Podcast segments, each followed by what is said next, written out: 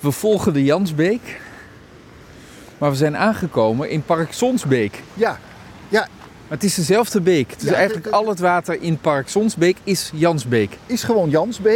Nou, dat is gek toch? Ja, en ik moet eerlijk bekennen, waar die naam Sonsbeek vandaan komt, dat weet ik niet precies. Dat- daar- nee want je denkt al, dit moet Park zijn. Jansbeek zijn. Ja, ja, ja. Nou, En mensen die het weten, die zitten te luisteren. We houden ons aanbevolen om die Precies. antwoorden even binnen Ja, te krijgen. ja, Want. Het, het klinkt heel raar. De Jansbeek, maar het is Park Zonsbeek. En zo'n bekend park.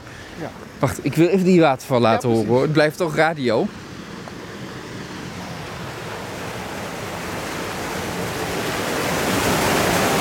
Het staat er dichtbij. Het valt nou, een paar meter naar beneden, dit water. Ja. Wat ik in de eerste plaats denk is, het is een heleboel water wat we hier zien gaan. Waar een uur geleden waren we bij de bron. Heel weinig water. Dus Ja. waar komt al dit water dan ineens vandaan? Nou, we zijn natuurlijk eh, richting het zuiden gelopen.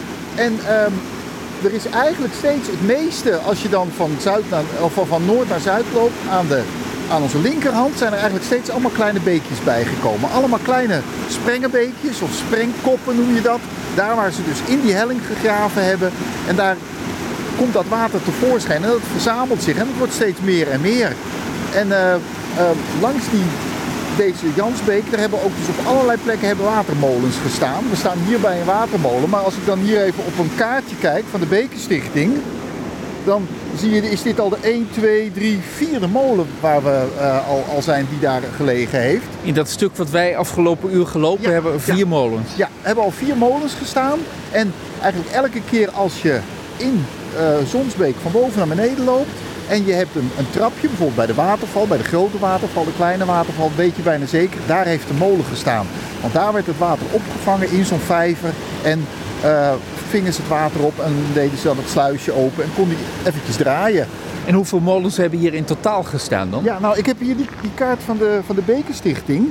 En als ik dan tel, 1, 2, 3, 4, 5, 6, 7, 8, 9, 10, 11 molens zie ik langs de Jansbeek staan.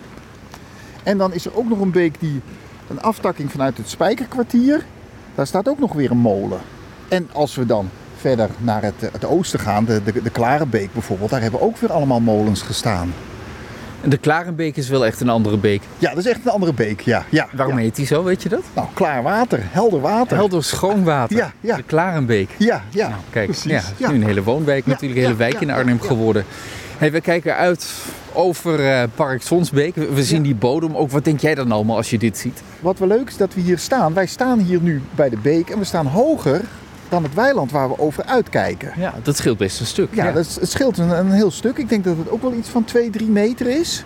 En hier zeg je dan dat de beek opgeleid is.